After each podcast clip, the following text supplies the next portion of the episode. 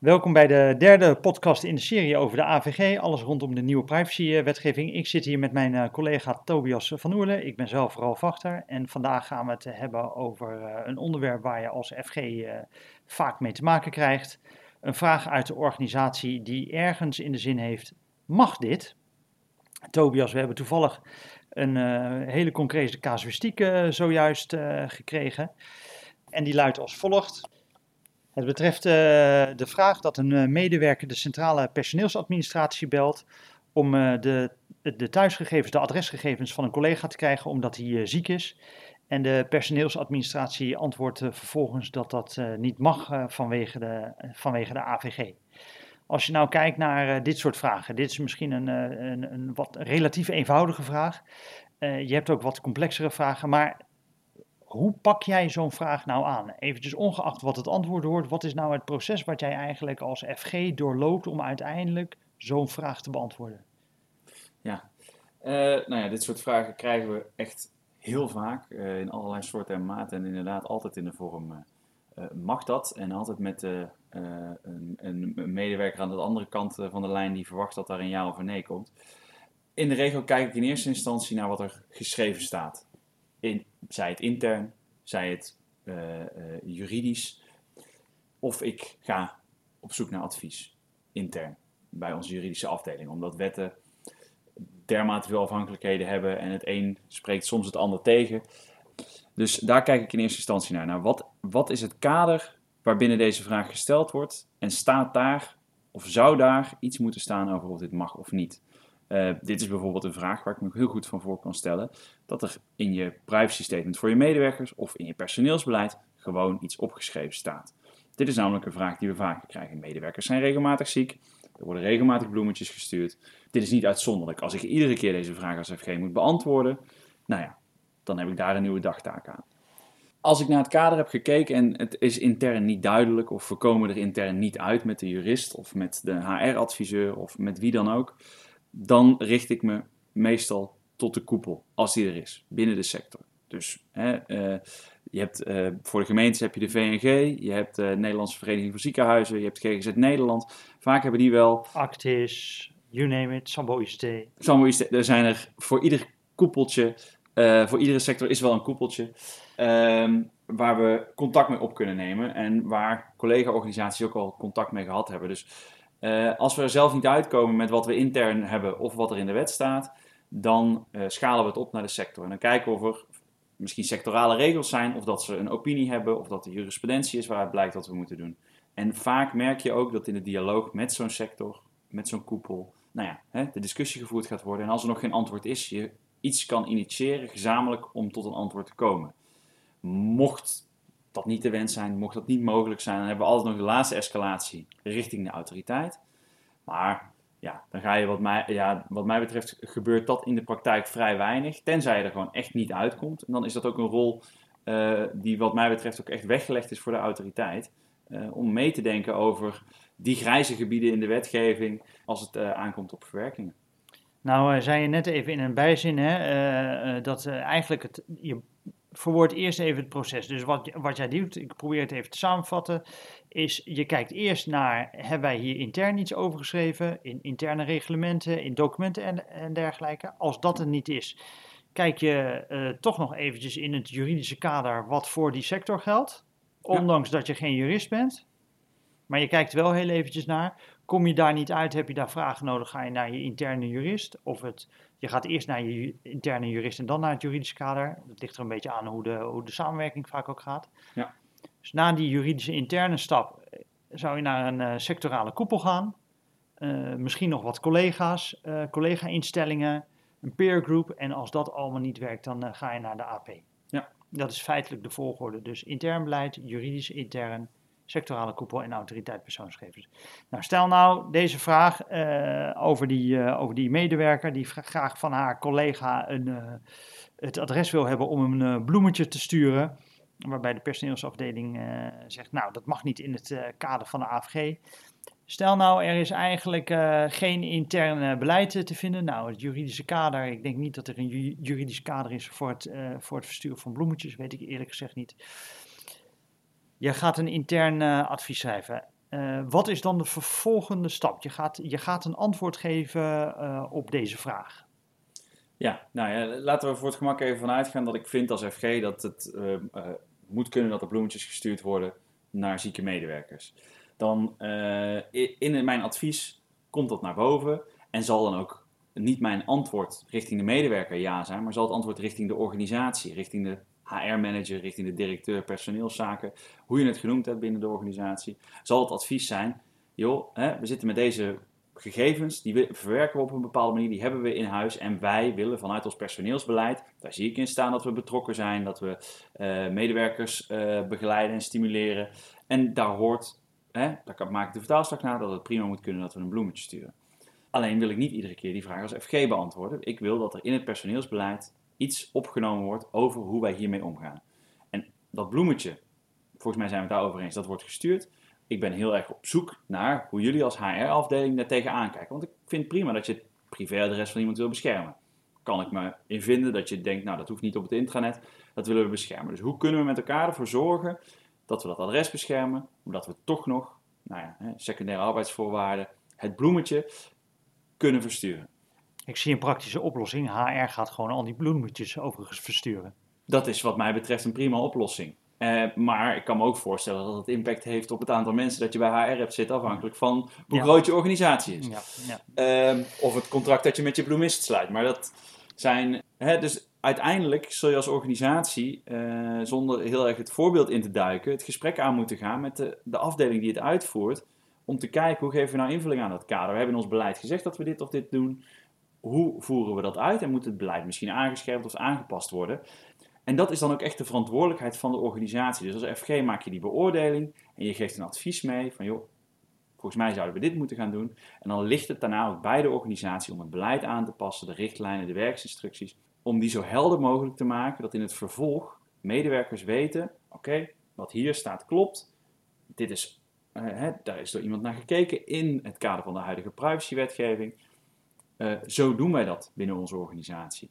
En dat dat vervolgens ook geïmplementeerd wordt. Want zo'n HR-manager kan wel zeggen, uh, het staat in het beleid, maar vervolgens moeten ook uh, de medewerkers bij HR of bij de personeelsadministratie hun werk op een andere manier gaan doen. Want het is dus niet meer iedere keer dat mailtje terugsturen, nee, die gegevens mag je niet hebben. Nee, het betekent echt een verandering.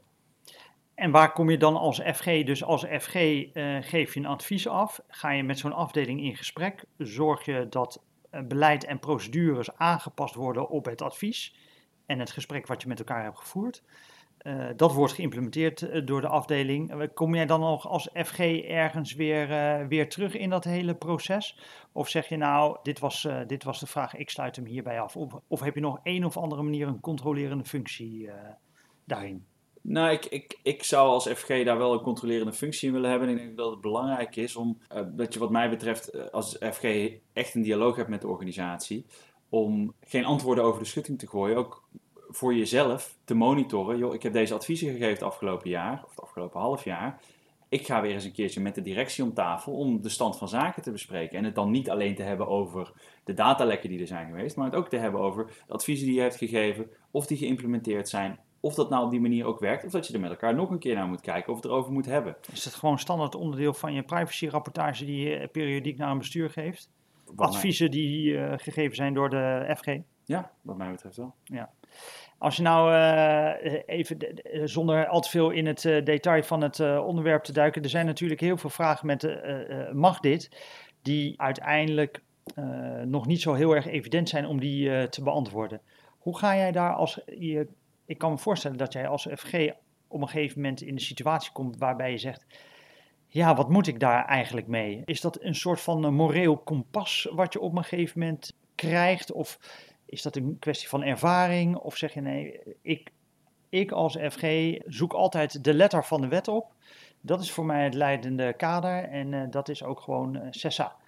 Of, of ga, sta jij daar als, als FG in een rol of in een opdracht daar wat, uh, wat anders in? Als ik naar mezelf kijk, dan is het voor mij zo, als ik dit soort vragen krijg waar het antwoord niet op te vinden is, en ik kan het antwoord daadwerkelijk niet boven water krijgen met een jurist, met een organisatie, of ik zit tussen twee mensen in waarvan de een zegt de letter van de wet en de ander zegt zo nou komt het niet. En ik heb zelf mijn moreel kompas zegt, volgens mij ligt het iets genuanceerder ergens in het midden. dan ga ik daar wel over nadenken, dan ga ik daar wel over redeneren en er voor mezelf ook op proberen te schrijven hoe het nou precies in elkaar zit. Maar dat vervolgens ook spiegelen bij iemand die niet bij het vraagstuk betrokken is. Die soms ook niks van de casus af weet, maar dan denk doordat ik heel veel van de casus af weet, ik ben van voor tot achter betrokken, ik ken een deel van de wetgeving, ik ben op de hoogte van de AVG.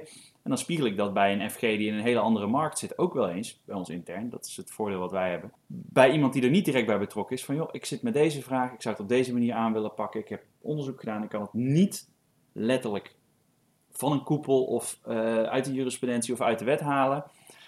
Ik denk dat als we deze maatregelen treffen of het op deze manier aanpakken, dat we aan de, dat we aan de goede kant zitten uh, van dit grijze gebied. Is, hoe kijk jij er tegenaan? En heel vaak krijg je pragmatische antwoorden of praktische oplossingen van, joh, ik heb dit ergens anders in een vergelijkbare situatie gezien. Hou er even rekening mee dat dit of dat zo zit.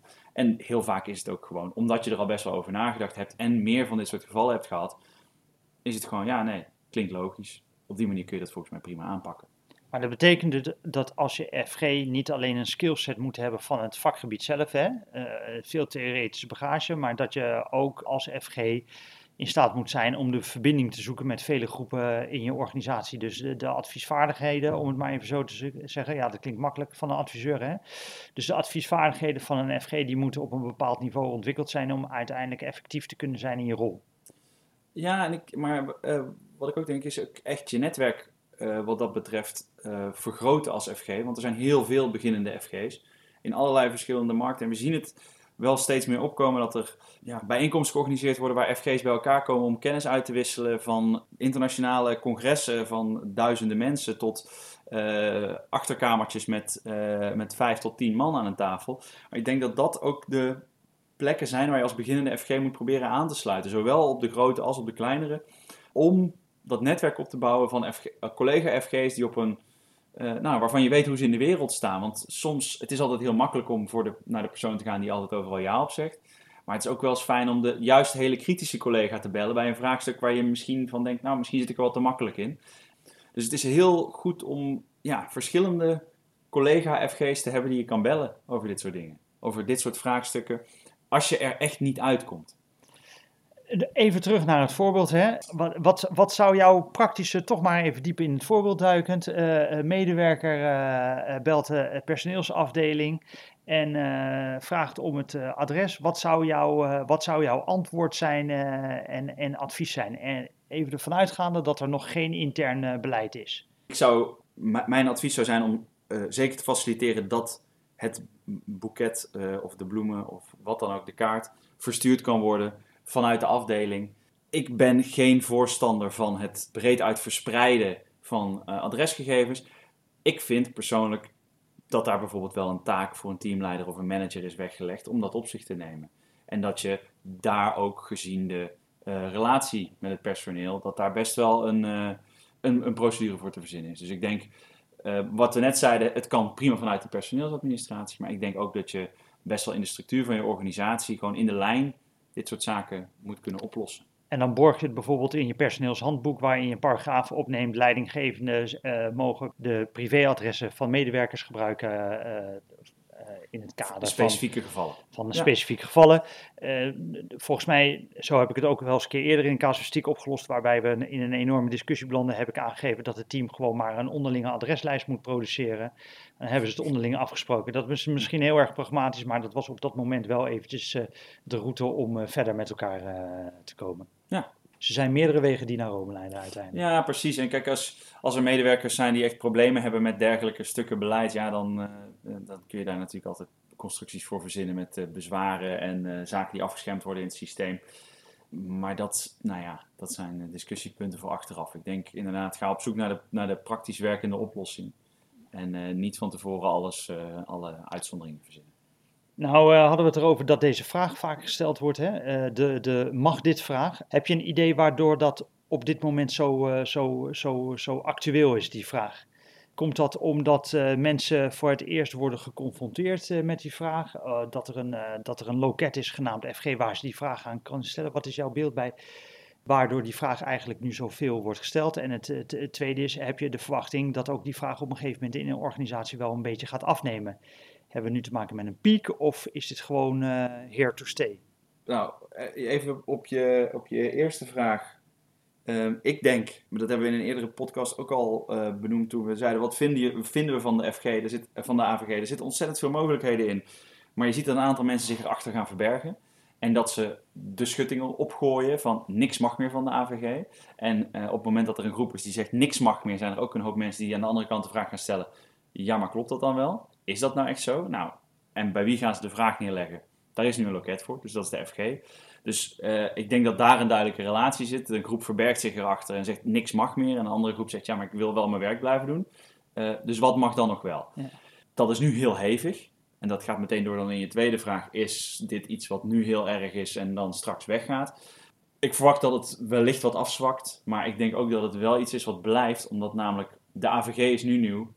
Maar we zien binnen allerlei sectoren alweer nieuwe wetgeving aanstaande. Die weer allerlei nieuwe dingen uh, verbiedt of toestaat. Niet per se op het gebied van privacy, maar die heeft wel weer implicaties in de privacy.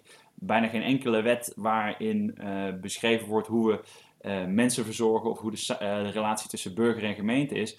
Daar gaan persoonsgegevens doorheen, dus dat is gerelateerd aan privacy. waar dus meteen weer nieuwe mag dat vragen aan vastzitten. Dus het is here to stay. Zeker. Nou, dat lijkt me een mooie afsluiter voor deze podcast. En dan uh, gaan we het de volgende keer uh, hebben over hoe je een uh, DPIA kan uitvoeren. Een Data Protection Impact Analyse of een PIA, een Privacy Impact Analyse. Maar wij hebben afgesproken het een DPIA te noemen. Het gaat niet over privacy, maar over gegevensbescherming. Dankjewel Tobias. Dankjewel.